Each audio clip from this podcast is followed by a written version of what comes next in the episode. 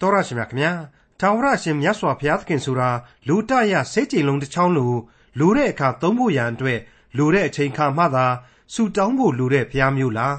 ကိုဟာဘာကြီးဖြစ်နေနေဘယ်လိုအခြေအနေမျိုးမှာပဲဖြစ်ဖြစ်ကို့အနေနဲ့မှားမှားမှန်မှန်ဘုရားရှင်ဟာကိုယ့်ဘက်မှာအမြဲတမ်းရှိတော်မူပါသလားအဲ့ဒီလိုသာမှားမှားမှန်မှန်ကိုယ့်ဘက်မှာအမြဲတမ်းရှိနေတဲ့ဘုရားဆိုရင်တော့လူတရစိတ်ကြုံလုံးတစ်ချောင်းနဲ့ ဘာမှထူးမခြားနာဖြစ်ရပါတယ်။ဒါပေမဲ့ဖះရှင်ဟာအဲ့ဒီလိုဖះမျိုးမဟုတ်ဘူးဆိုတာကိုဒီကနေ့တင်ပြရသောတမန်ကျမ်းအစီအစဉ်မှာလေ့လာမှဖြစ်တဲ့ခရိယန်တမန်ကျမ်းဓမ္မဟောင်းကျမ်းပိုင်းတွေကနဝမမြောက်ဆာလံကျမ်းမှာအထင်ရှားတွေ့ရမှာဖြစ်ပါတယ်။ဘယ်လိုအချိန်မျိုးတွေမှာကိုနဲ့အတူရှိနေပြီးဘယ်လိုအချိန်အနေမျိုးတွေမှာကိုနဲ့အတူမရှိဘူးဆိုတာကိုလည်းအသေးအချာခွဲခြားသိနာလည်ရမှာဖြစ်ပါတယ်။ ဖះရှင်ရဲ့ဂျေဇုကရုဏာတော်ကိုကျွန်တော်တို့အနေနဲ့ဘယ်နည်းဘယ်ပုံ တွေ့ထိခံစားနိုင်တယ်။တေမင်းရဲ့လက်တွင်းကနေဘယ်လိုလွတ်မြောက်နိုင်တယ်ဆိုတာကိုပါဖော်ပြထားတဲ့နဝမမြောက်ဆာလံကျမ်းကိုဒေါက်တာထွန်းမြတ်အေးကအခုလိုရှင်းလင်းတင်ပြထားပါတယ်။စာရန်လူသားတရိထာဆိုတာကိုဖော်ပြသွားမယ်။ဆာလံ6နဲ့10ပေါင်းစုသစ်နဲ့သင်ခန်းစာတွေတဲကဆာလံတီချင်းအမှတ်စဉ်6နဲ့သက်ဆိုင်တဲ့သင်ခန်းစာတွေကိုဒီကနေ့ကျွန်တော်တင်ပြခြင်းပါတယ်။ မေရှိယကယ်တင်ရှင်သခင်ခရစ်တော်နဲ့တိုက်ရိုက်သက်ဆိုင်တဲ့ Messianic Psalms လို့ခေါ်တဲ့ဆာလံနှစ်ရှစ်ခုမြောက်သောဆာလံတို့ပြီးမြောက်တဲ့နောက်ပိုင်းမှာအခြားသောတောင်ကုန်းတစ်ခုကိုဆက်ပြီးတော့တက်ရောက်စေဖို့အတွက်ရှစ်ခုမြောက်သောဆာလံဆိုတဲ့တောင်ထိပ်ကနေဆင်းသက်နှံ့ရန်အစပြိုးသောအစင်းလန်းအစဖြစ်တယ်လို့အခုအခန်းကြီး9ကိုကျွန်တော်ခေါ်ဝေါ်သမုတ်ချင်ပါတယ်ဟုတ်ပါတယ်ဒီအခန်းကြီးကစပြီးတော့နောက်ထပ်တွေ့ရမယ့်ဆာလံတီချင်းပေါင်း9ခုတို့ဟာ စိတ်ပြက်ဖွယ်သောအဖြစ်တစ်နှစ်တွေကိုဖော်ပြသွားပါလိမ့်မယ်ကကာလကုံဆုံးချိန်မှာတွေ့ကြုံရမှာဖြစ်တဲ့ဣသရေလတို့ရဲ့ဖြစ်စဉ်တွေကိုဗျာဒိတ်ပြုထားတဲ့ကြမ်းများလို့ကျွန်တော်ဆိုချင်ပါတယ်တစ်ချိန်တည်းမှာအပြစ်ကောင်ကြီးသို့မဟုတ်ဥပဒေအရှင်းမရှိတဲ့တရားလက်လွတ်သမားခရစ်တော်ဆန့်ကျင်သည့်စာရန်ငရန်ကားဆိုတာကိုလေဒီအခန်းကြီး6နဲ့ဆက်နွယ်နေတဲ့အခန်းကြီး10ရဲ့နှောင်းပိုင်းသင်ခန်းစာတွေမှာတစိမ့်တစောင်းဖော်ပြသွားလိုက်အောင်မယ်လို့ကျွန်တော်ဆိုထားခြင်းပါတယ်အဲ့ဒီစာရန်ငရန်ကားဆိုတာဟာ အမှန်တော့ anti christ သို့မဟုတ်နှုတ်ကပတ်တော်အရာ anti christ ဆိုပြီးတော့ခရိယန်တွေအတော်များများသိထားနှင်းတဲ့ငရန်ကားကြီးမို့လို့ငရန်ကားဆိုပြီးတော့ပဲကျွန်တော်ကထိုက်ထိုက်တန်တန်ခေါ်ဝေါ်သမုတ်လိုက်ရခြင်းဖြစ်ပါတယ်ငရန်ကားဟာငရန်ကားအနေနဲ့ပဲကောင်းပါလေမိษွေအပေါင်းတို့ခမညာဆာလံ6နဲ့10တို့ကိုပေါင်းကြည့်ပြီးရင်စာရန်လူသားသတိထားဆိုတဲ့ခေါင်းစဉ်ကိုပေးရလိမ့်မယ်လို့ကျွန်တော်ဆိုခဲ့တာကတော့အတိတ်ပဲရှိပါတယ်ဒီ6ခုမြောက်သောဆာလံနဲ့ 10ခုမြောက်သောဆာလံတို့ဟာအတော်ဆက်ဆက်နေတယ်လို့ကျွန်တော်ခံယူလို့ပါ Septuagint လို့ခေါ်တဲ့ကဘာဦးကျမ်းမှစပြီးတော့ဣသရေလကနေ Greek တို့ဘာသာပြန်ဆိုစီရင်ခဲ့တဲ့ကျမ်းတွေရဲ့ Latin ဘာသာနဲ့ရေးသားထားပြီးတော့ဒီကနေ့ Roman Catholic တို့သုံးစွဲတဲ့ကျမ်းတွေရဲ့မှာအခု၉ခုမြောက်သောဆာလံနဲ့10ခုမြောက်သောဆာလံကိုတပေါင်းတီးဖော်ပြထားတာတွေ့ရတာကိုမိษွေတို့သိစေချင်ပါတယ်ဒီကျမ်းနှစ်စုကိုပေါင်းယုံတယ်မကသေးပဲနဖူးစည်းခေါင်းစဉ်မှာလေဟေပြဲဘာသာနဲ့ဖော်ပြထားတာကတော့ The chief musician upon Mount Lebanon ဆိုပြီးတော့ဖော်ပြထားတာဟာလေအတူတူပဲဖြစ်ပါတယ်ဒီတခါကျတော့ရှုပ်ထွေးမှုတစ်ခုပိုလာပါတယ်တခြားမဟုတ်ပါဘူး Mount Lebanon ဆိုတာဟာတူရိယာတစ်ခုခုကိုရည်ရွယ်တာမဟုတ်တော့ဘဲနဲ့သားအတွက်သေခြင်းဆိုတဲ့အချက်ကိုဖော်ပြတယ်လို့ဆိုလာကြပါတယ်ဒါကြောင့်လဲပြီးခဲ့တဲ့အခန်းကြီး၈နဲ့အခုအခန်းကြီး9တို့ဟာလေထပ်မံဆက်နွယ်မှုရှိလာပြန်တယ်လို့ကျွန်တော်မြင်နိုင်တဲ့အကြောင်းကိုကျွန်တော်ဟာအခန်းကြီး၈ရဲ့ဏ္ဍန်ပြိုးစဉ်ကဖော်ပြခဲ့ပါသေးတယ် ဒါကြောင့်အခန်းကြီး၈တုန်းကပြောခဲ့တဲ့အတိုင်းပဲဘာတရှိဘနဲ့သူနဲ့ရတဲ့သားကလေးသေတဲ့အချိန်ဝန်းနဲ့ကြေကွဲခြင်းနဲ့ဒါဝိဒ်ဆက်ဆူတယ်ဆိုတဲ့အယူအဆသို့ရီမဟုတ်ရင်လေဂေါလိယသေဆုံးခြင်းမှာဒီကြမ်းအားဖြင့်သူ့ရင်တွင်အမြင်ကိုဖော်ပြတယ်ဆိုတဲ့အယူအဆတွေဟာအသစ်ပြန်လဲပြီးတော့ဒီနေရာမှာစဉ်းစားစရာဖြစ်လာပါတယ်ဂေါလိယသေဆုံးတဲ့အချိန်မှာတော့သူဟာဝန်းနဲ့မြည်တမ်းခြင်းမဖြစ်နိုင်တော့ဘူးသားကလေးအတွက်နောက်ဆုံးခရီးဆိုတဲ့ခေါင်းစဉ်ကိုသူပေးမှာမဟုတ်ဘူး သေခြင်းတရားနဲ့လူသားဆိုတဲ့ခေါင်းစဉ်ပဲပေးလိမ့်မယ်လို့ကျွန်တော်ခံယူပါတယ်ဒီကြားထဲမှာမှသင်သိရသောသမာကျမ်းရဲ့အယူအဆအရကတော့အေဂုတ်ထုပြည်မှာသားဦးတွေသေဆုံးခြင်းကိုများဒါဝိဒ်ဟာပို့ပြီးတော့အမှတ်ရဇေလိုသလားလို့ကျွန်တော်ခံယူလိုက်ပါတယ်မိษွေအပေါင်းတို့အခုစစချင်းပဲကျေးဇူးတော်ကိုချီးမွမ်းသန်းကိုဒါဝိဒ်မင်းကြီးဟာကြွေးကြော်လိုက်ပါတယ်ကိုခုမြောက်သောဆာလံအငယ်1နဲ့2အိုးထာဝရဖျား အကျွန်ုပ်သည်စိတ်နှလုံးအကျွင်းမဲ့ကိုတော်ကိုချီးမွမ်းပါမည်အံ့ဘွယ်သောအမှုတော်ရှိသမျှကိုပြညွှန်ပါမည်ကိုတော်ကိုအမိပြု၍ဝမ်းသာရွှင်လန်းပါမည်နာမတော်ကိုထောမနာသိခြင်းဆိုပါမည်အမြင့်ဆုံးသောဖျားဒီကျေးဇူးတော်ချီးမွမ်းသံဟာခုနှစ်ခုမြောက်သောဆာလံတုံးကဏီကုံပိုင်းလေးမှာတွေ့ခဲ့ရတယ်ထာဝရဘုရား၏တရားသောအမှုတော်ကိုချီးမွမ်း၍အမြင့်ဆုံးသောထာဝရဘုရား၏နာမတော်ကိုထောမနာသိခြင်းဆိုပါမည်ဆိုတာနဲ့စင်တူနေတယ်လို့ကျွန်တော်ခန်းစားမိပါတယ် ဒီကျေးဇူးတော်ချီးမွမ်းသံတွေအကုန်လုံးဟာအခန်းကြီး၈တဲကမြေတပြင်လုံး၌ဘုရားသခင်၏နာမတော်ကြီးမြတ်ခြင်းရှိပါစေတည်းဆိုတဲ့အချိန်မှာကိုတော်တိုင်စီမံအုပ်ချုပ်စိုးမိုးတော်မူမြဲ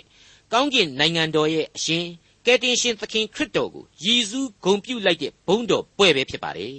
။သခင်ခရစ်တော်ရဲ့ဒုတိယအကြိမ်ကြွလာတော်မူခြင်းဟာပထမအကြိမ်လိုအသက်ဆွန့်ပြီးတော့ကယ်တင်ခြင်းပြုဖို့မရှိတော့ဘဲနဲ့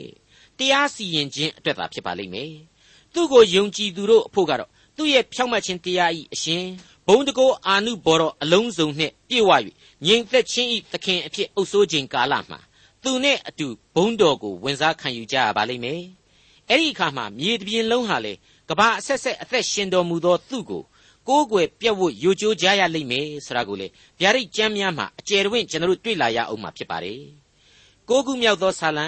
အငယ်3နဲ့4အကြောင်းမူကား အကျွန်ုပ်၏ရန်သူတို့သည်ပြန်ဆုတ်၍လဲကြပါ၏ရှေ့တော်၌ပျက်စီးကြပါ၏ကိုတော်သည်အကျွန်ုပ်ဘက်မှတရားဆုံးဖြတ်တော်မူပြီးပလင်တော်ပေါ်မှထိုင်၍ဖြောက်မတ်စွာစီရင်တော်မူပြီး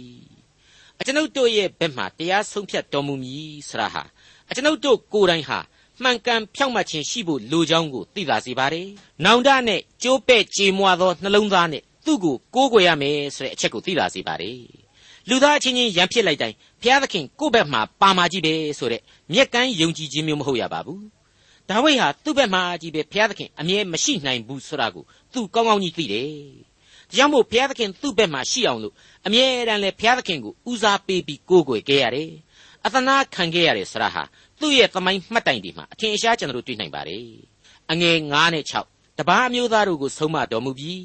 သိုးသောသူတို့ကိုဖျက်ဆီး၍ သူတို့နာမကိုကာလအစဉ်အဆက်ခြေဖြောက်တော်မူပြီးရန်သူတို့သည်အကုန်အစင်ပျက်စီးခြင်းသို့ရောက်ကြပါပြီမြို့တို့ကိုဖြိုဖျက်၍သူတို့အမှတ်မျှမရှိပျောက်ပါပြီတပားအမျိုးသားတို့ကိုဆုံးမတယ်ဆိုတာဟာတိုင်းနိုင်ငံအလုံးအကျုံးဝင်ပါတယ်ဖျားသခင်ကိုမကိုးကွယ်မစိကပ်မတရားသောသူတို့ကိုတော့သူတို့ရဲ့နာမတွေတောက်မှပျောက်ပြက်သွားအောင်ပျောက်ပြက်သွားအောင်ခြေဖြတ်မယ်ဆိုတာကိုဒါဝိမင်းကြီးဖော်ကျူးလိုက်ပါတယ် ဒီအပိုင်းဟာဣသရေလသမိုင်းဦးကဖြစ်ရတဲ့အပေါ်မှာမူတည်ပြီးတော့မှခရစ်တော်ကြွလာတော်မူခြင်းကိုကြိုတင်ဗျာဒိတ်ပြုခြင်းဖြစ်ပါတယ်အတိတ်ဓမ္မသမိုင်းကိုပြန်ပြီးတော့မိတ်ဆွေတို့ကြည့်လိုက်ပါဘုရားသခင်ဟာမြေကြီးသားလူအဖွဲ့အစည်းအမျိုးမျိုးကိုလက်ညှိုးတော်ဤအလုံးလို့ဆိုရမတတ်ဖန်ဆင်းခြင်းကောင်းကြီးမင်္ဂလာများစွာပေးခြင်းများနဲ့အတူစားဖို့တောက်ဖို့နေဖို့ထိုင်ဖို့အကျွင်းမဲ့ကောင်းကြီးမင်္ဂလာအမျိုးမျိုးကိုဘုရားသခင်ပေးခဲ့တယ်။ဒါပေမဲ့တစ်ချိန်တည်းမှာ အကျွင်းမဲ့ဖျောက်ဖျက်ပြစ်ချင်းတို့ကိုလည်းပြုလုပ်ခဲ့တယ်ဆိုတာကိုကျွန်တော်တို့မငြင်းနိုင်ပါဘူး။ဒါတွေဟာဒုတိယအချိန်မြောက်ခရစ်တော်ကြွလာတော်မူခြင်းနဲ့ပတ်သက်ပြီးတော့ကြိုတင်စဉ်းစားရမှာအတိတ်ကာလအတွင်းဘုရားသခင်ပြုတော်မူသောကျေးဇူးတော်နဲ့သူ့ရဲ့စီရင်ပိုင်ခွင့်တို့ကိုရောပြုံပြီးတော့စဉ်းစားရမှာအသုံးဝင်တဲ့သမိုင်းဖြစ်စဉ်တွေပဲဖြစ်တယ်လို့ကျွန်တော်ဟာအကိုအကားပြုပြီးတော့ဒီနေရာမှာတင်ပြထားခြင်းပါတယ်တခြားကြောင့်မဟုတ်ပါဘူးဘုရားသခင်ဟာကျေးဇူးတော်ကြီးမားတယ် နူးညံ့သိမ်မွေ့သောအရှင်ဖြစ်တယ်ဆိုပြီးတော့ကျွန်တော်တို့လူသားတွေဟာတစ်ဖက်ဆုံးကိုရောက်ပြီးတော့တွေးခေါ်တတ်ကြပါတယ်ဘုရားသခင်ရဲ့စီရင်ပိုင်တော်မူခြင်းစီရင်တော်မူချက်တို့သည်အလွန်နဲ့နဲခြင်းဆိုတာကိုမေ့လျော့ကြောခိုင်းတတ်ကြတဲ့အတွက်ကြောင့်ကျွန်တော်ဒီနေရာမှာအထူးသတိပြုမိစေခြင်းဖြစ်ပါတယ်မိษွေအပေါင်းတို့ခမညာသေခြင်းတရားနဲ့သားလို့ဒီကျမ်းကိုခေါင်းစဉ်တတ်ထားတာဟာဒီအပိုင်းမှာဣသရီလာတို့ကျွန်ဘဝကလွတ်မြောက်ခြင်းအဲဂုတ်ထုရဲ့သားဦးတို့သေချေပျက်စီးရတဲ့အတိတ်သမိုင်းကို ဒါဝိမင်းကြီးအောင်းမေသတိရပြီးတော့များခေါင်းစဉ်ပေးလေသလားလို့ကျွန်တော်စဉ်းစားမိခဲ့တဲ့အကြောင်းကိုဖော်ပြထားပါတယ်။ထွမြောက်ရာကျမ်းသင်ခန်းစာတွေမှာဆိုရင်တစ်အဲဂုတ်ထုသားဦးတွေအကုန်သေခဲ့ရပါတယ်။အကယ်၍သာအသွေးတော်နဲ့အိမ်တကားများကိုသုတ်ရမယ်ဆိုတဲ့အမိန့်တော်ကိုသာနာမခံဘူးဆိုရင်နာမခံတဲ့ဣသရေလရဲ့သားဦးတွေဟာလေအဲ့ဒီသေတဲ့အထဲမှာပါဝင်သွားခဲ့မှာအမှန်သိကြပါတယ်။နှစ်အေရုံပင်လေကြီးရဲ့အလဲမှာအေဂုတ်ထုဘရင်နဲ့တကွ ဘိုးကြီးအပေါင်းတို့တခါသေခဲ့ရပါတယ်။ဒါကိုထွတ်မြောက်ရကျမ်းအခန်းကြီး14အငယ်26မှအဆုံးအထိအတွင်းမှာဖတ်ကြည့်မယ်ဆိုရင်အခုလိုပြန်ပြီးတွေ့ရမှာပါ။ထာဝရဘုရားကလည်းပင်လေရည်သည်အေဂုတ်ထုလူများယထာများမြင်းစည်းသူရဲများတို့အပေါ်သို့ပြန်စီခြင်းဟာပင်လေအပေါ်မှလက်ကိုဆန့်လို့ဟုမောရှေအားမိန့်တော်မူသည့်အတိုင်း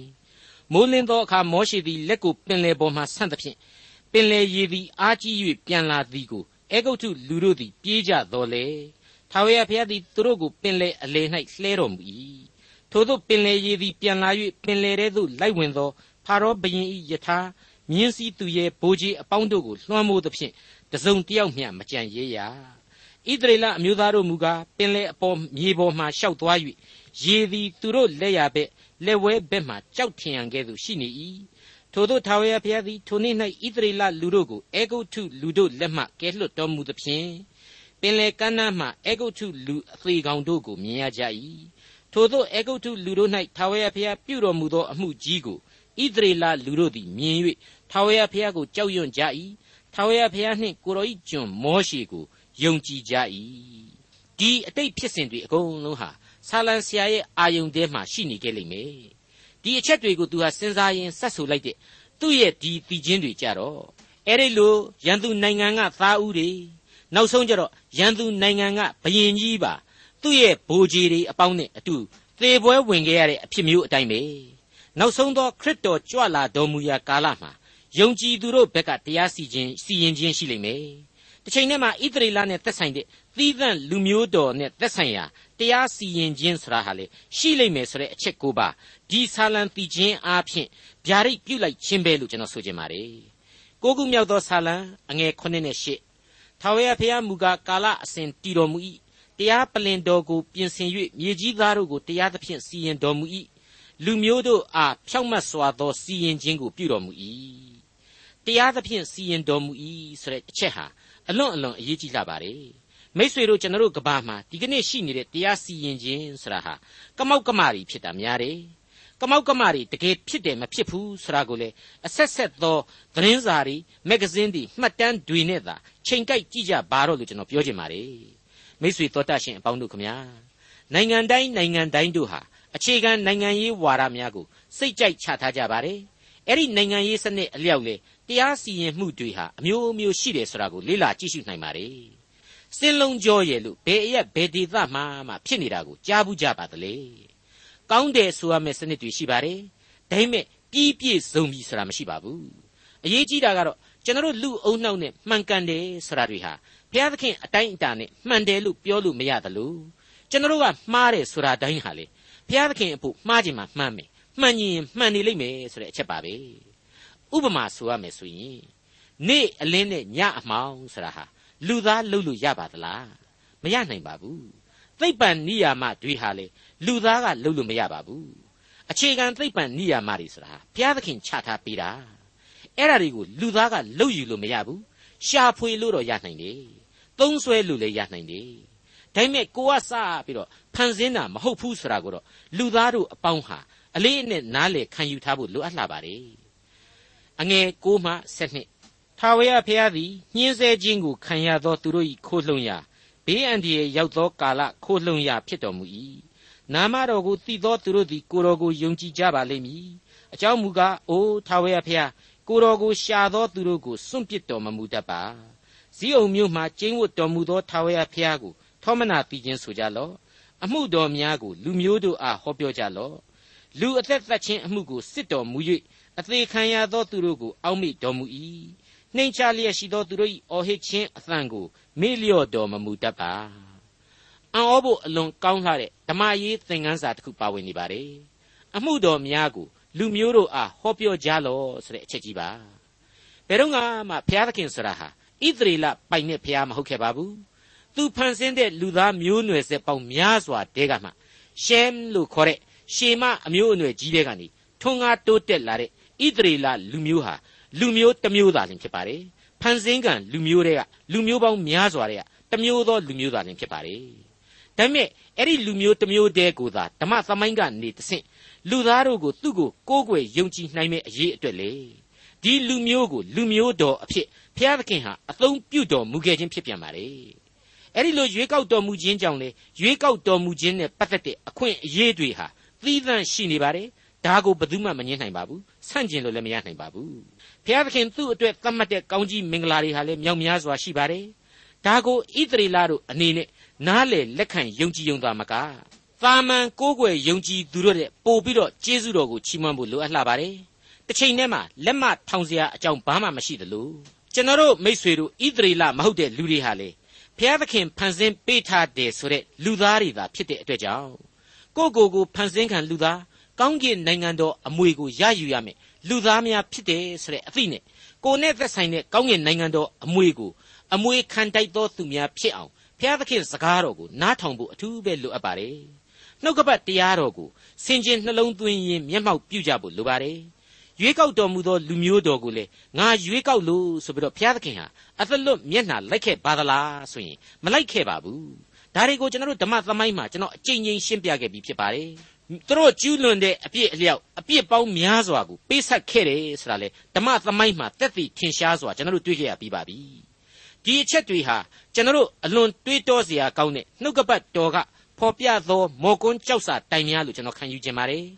အဲ့ဒီတစ်ချိန်တည်းမှာပဲဒီလူမျိုးတော်ကိုဆန့်ကျင်တဲ့ဂျူးမုန်တီဝါဒ anti semitism ဆိုတာကိုလေယုံကြည်သူခရိယန်တို့ဟာလုံးဝမကျင့်သုံးရဘူးလို့အခိုင်အမာတင်ပြလိုက်ပါရစေကိုကူမြောက်သောဆာလံအငယ်73အိုးထာဝရဖျားအကျွန်ုပ်ကိုကယ်မသနာတော်မူပါ အကျွန်ုပ်ကိုမုံသောသူတို့ဤညှင်းဆဲခြင်းအမှုကိုကြည့်ရှု၍သေမင်းလက်မှအကျွန်ုပ်ကိုကယ်နှုတ်တော်မူပါအကျွန်ုပ်ကိုကယ်မသနာတော်မူပါတဲ့အင်္ဂလိပ်ကတော့ have mercy upon me လို့ဖော်ပြထားပါတယ်ဂယုနာတော်ကိုကျွန်တော်အပေါ်မှာချပေးတော်မူပါသနာတော်မူပါဆိုတဲ့သဘောပါပဲမိษွေဒီလိုဘုရားသခင်ရဲ့ဂယုနာတော်ကိုမမျှော်လင့်ခြင်းဘူးလားသူ့ရဲ့ကယ်မသနာခြင်းကိုကောမခံခြင်းဘူးလားသေချာပြန်စဉ်းစားကြည့်ရင်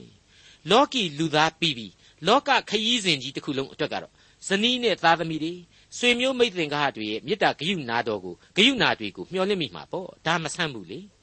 ဒါပေမဲ့အဲ့ဒီလောကတည်းမကပဲလောကုတ္တရာအသက်တာကကာလတို့အတွက်ပါအကုန်လုံးအတွက်ဆိုရင်တော့ဘယ်သူမှသွားပြီးအားကိုးလို့မရတော့ဘူးဘယ်နဲ့ဆိုတော့ကိုအားကိုးတဲ့လူတွေအကုန်လုံးဟာလေဒီလမ်းမှာပဲသေကြရမယ်မဟုတ်ဘူးလားကျွန်တော်တို့သေရမယ့်အချိန်အကြောင်းကိုမိษွေတို့သေချာစဉ်းစားကြည့်ချွေးပြိုက်ပြိုက်ကြလာလောက်အောင် ကြောက်เสียကောင်းတယ်လို့ကျွန်တော်ကတော့ခံယူမိတယ်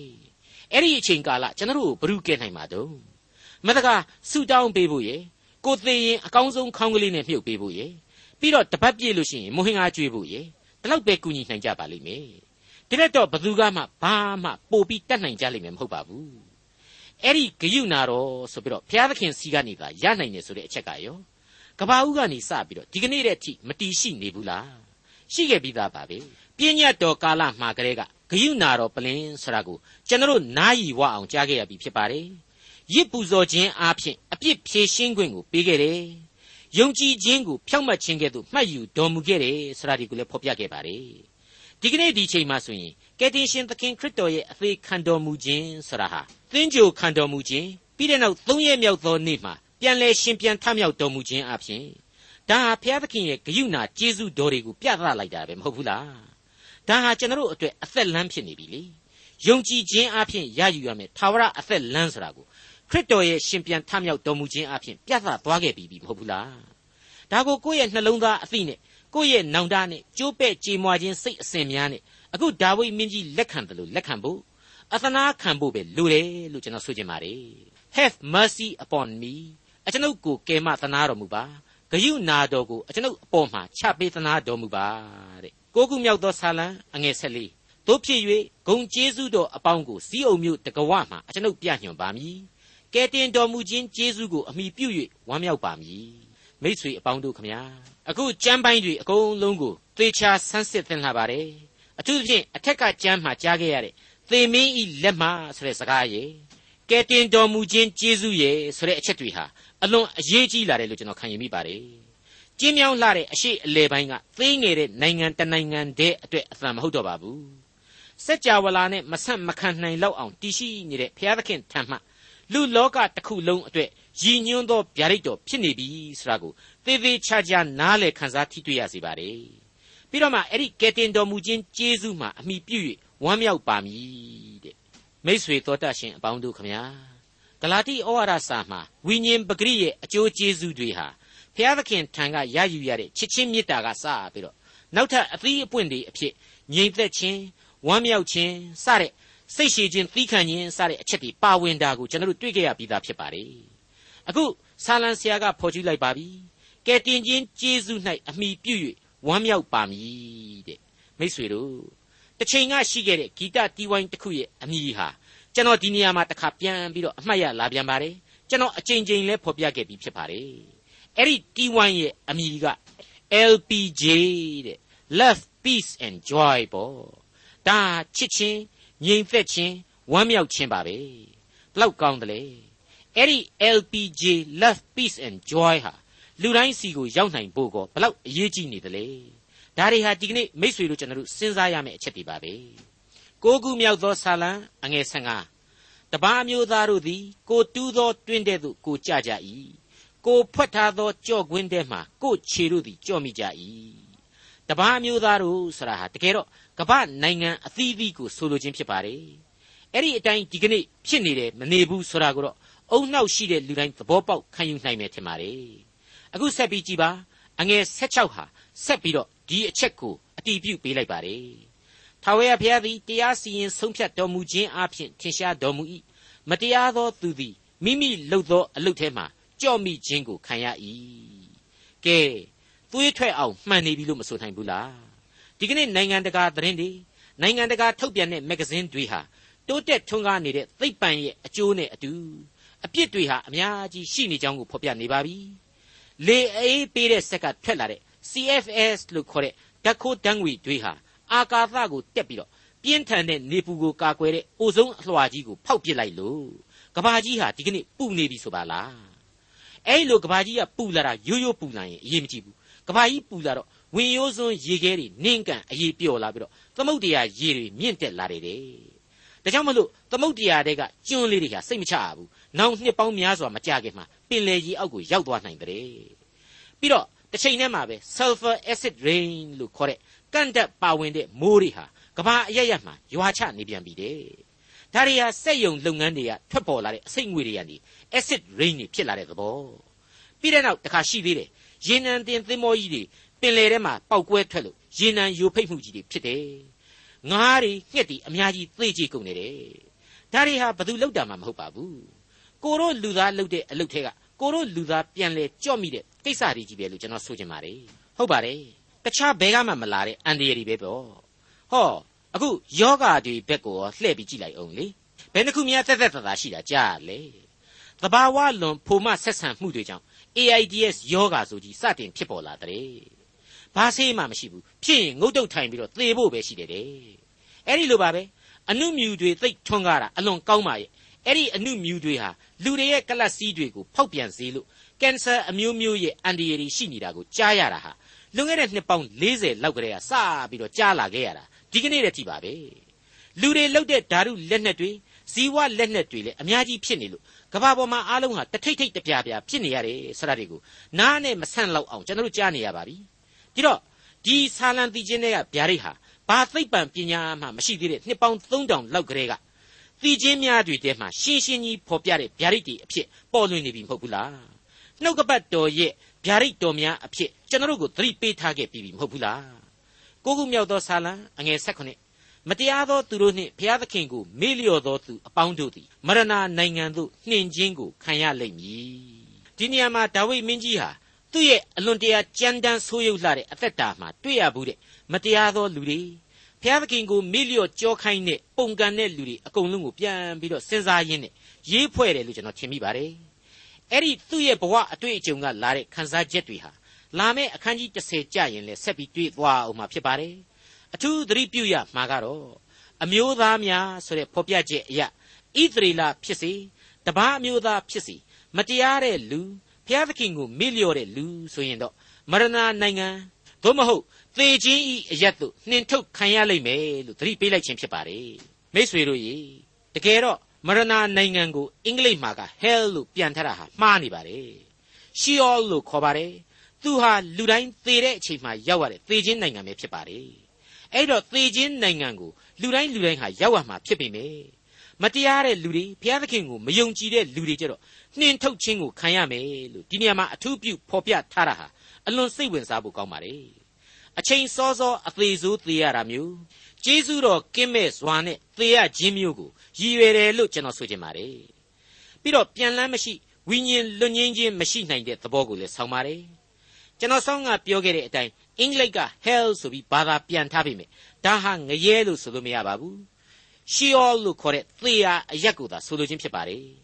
ဒါပေမဲ့အဲ့ဒီမရဏနိုင်ငံဟာယုံကြည်သူတို့အဖို့ကတော့ဘာမှကြောက်စရာမလိုပါဘူး136ခုမြောက်သောဆာလံမှာအဲ့ဒီမရဏနိုင်ငံမှာနတ်နဲ့အိယာကိုခင်းရင်တောင်းမှဘုရားသခင်ဟာအစဉ်တစိုက်စောင့်ရှောက်နေမယ်ဆိုတာကိုကျွန်တော်တို့အခိုင်အမာတွေ့ရလို့ဖြစ်ပါတယ်ကိုခုမြောက်သောဆာလံအငယ်78 ငတ်မွတ်သောသူတို့ကိုအစဉ်မေ့လျော့တော်မမူဆင်းရဲသောသူတို့သည်မျှော်လင့်၍မရဘဲအစဉ်မနေရကြမိษွေအပေါင်းတို့ဆင်းရဲငတ်ဖို့တဲ့လူတွေကိုကဘာကြီးဟာမမေ့ဖို့ဘုရားသခင်အလိုတော်ရှိတယ်ဘုရားသခင်ပြင်းထန်စွာသတိပေးလိုက်တယ်လို့ကျွန်တော်ခံယူပါတယ်ဒီကနေ့ဒီအချိန်မှာဆိုရင်အဲ့ဒီဆင်းရဲခေါင်းပါသောအရက်တွေကိုကဘာကြီးဟာမမေ့ပြီးတကယ်သို့ဟိတ်ဟန်အပြည့်နဲ့ကြွေးကြော်သံတွေအမျိုးမျိုးကိုကျွန်တော်တို့ကြားနေရပါတယ် ချမ်းသာတဲ့နိုင်ငံကြီးတွေဟာအထူးသဖြင့်ဒီကြွေးကြော်သံတွေကိုကြွေးကြော်နေကြတာကိုတွေ့ရပါတယ်တကယ်ထီရောက်မှုရှိမရှိဆိုတာကိုတော့ကမ္ဘာလူမှုရေးအဖွဲ့အစည်းကြီးတွေစီမှသာပွားပြီးမေးလို့သာကြည့်ကြပါတော့သတင်းစင်တွေသတင်းစာတွေမဂ္ဂဇင်းစာဆောင်တွေအသီးအသီးတွေမှာတွေ့ရတယ်ကဘာအရက်အကနန်ယိုးပြိုင်ပြိုင်ခေါင်းပြောင်ပြောင်ကလေးလေးတွေရဲ့သတင်းတွေနဲ့သာဓာတ်ပုံတွေနဲ့သာချင့်ချိန်ကြည့်ကြပြီးတော့လို့ကျွန်တော်ပြောချင်ပါတယ်အဲ့ဒီလိုငတ်မွတ်ဆင်းရဲတဲ့လူတွေကိုမဆာခြင်း ကူညီခြင်းမရှိသဖြင့်ကာလပတ်လုံးလေဒီလူအဖွဲ့အစည်းဟာအလိုလိုကျိန်စာသင့်နေအောင်မှာပါပဲအခုဆာလံတီချင်းရဲ့ဗျာဒိတ်အတိုင်းဆိုရင်တနေ့နေ့တစ်ချိန်ချိန်မှာတော့အကျဉ်းနာတရားအရှင်းမရှိတဲ့မလိုင်ဘော်ကအစီအူကြီးတွေဟာအစီပိတ်ပြီးတော့ကုန်ကြရလိမ့်မယ်သတိထားကြပြီတော့လို့ဒါဝိမင်းကြီးဟာဒီကြမ်းအားဖြင့်ခြောက်လှန့်လိုက်တယ်လို့ကျွန်တော်ခန်းစားရပါတယ်ကိုခုမြောက်သောဆာလံအငယ်၁၉အိုးထာဝရဖျားထတော်မူပါလူမနိုင်ပါစေနှင့် တပါးမျိုးသားတို့သည်ရှေ့တော်၌စစ်ကြောစီရင်ခြင်းကိုခံရကြပါစေသောကောင်းလိုက်တဲ့ဗျာဒိတ်စကားလို့ကျွန်တော်ယင်ထဲမှာခန်းစားရပါတယ်အဆက်အဆက်ရှိလိုက်တဲ့တမာတရားလို့လေကျွန်တော်ရဲ့ရိုးရင်းချင်းစီတဲ့အထိစိတ်ကနေနေအောင်ထိတွေ့ရပါတယ်အခုနာလေးတင်ပဲဆင်းရဲငတ်မွတ်နေတဲ့လူတွေကိုဘုရားသခင်ကမမေ့ဘူးသူတို့ဖို့ဘုရားသခင်ကအမြဲမျှော်လင့်စရာဖြစ်တယ်ဆိုတာဒီကိုဖော်ပြခဲ့ပါတယ်အခုကျတော့ရှေ့တော်၌စစ်ကြောစီရင်ခြင်းခံရကြပါစေသောဆိုတဲ့ဆုတောင်းသံကြီးပေါ်လာပါတယ် ကိုကူမြောက်သောဆာလံရဲ့ဏိဂုံအငယ်20ရဲ့ဖော်ပြချက်ကတော့အိုးထာဝရဖျားသူတို့ကိုခြောက်လှန့်တော်မူပါတို့ဖြစ်၍မိမိတို့သည် လူသက်သက်ဖြစ်သည်ကို လူမျိုးတို့သည်သိကြပါလိမ့်မည်ဒေါက်တာထွန်းမြတ်ရေးစီစဉ်တင်ဆက်တဲ့တင်ပြတော်တမချန်းအစီအစဉ်ဖြစ်ပါတယ်နောက်တစ်ချိန်အစီအစဉ်မှာခရိယန်တမချန်းဓမ္မဟောင်းကျမ်းပိုင်းမှာပါရှိတဲ့ဓသမမြောက်ဆာလံကျမ်းနဲ့ ၁၁ခုမြောက်သောဆာလံကျမ်းတွေကို လေ့လာမှဖြစ်တဲ့အတွက် စောင့်မျှော်နားဆင်နိုင်ပါတယ်။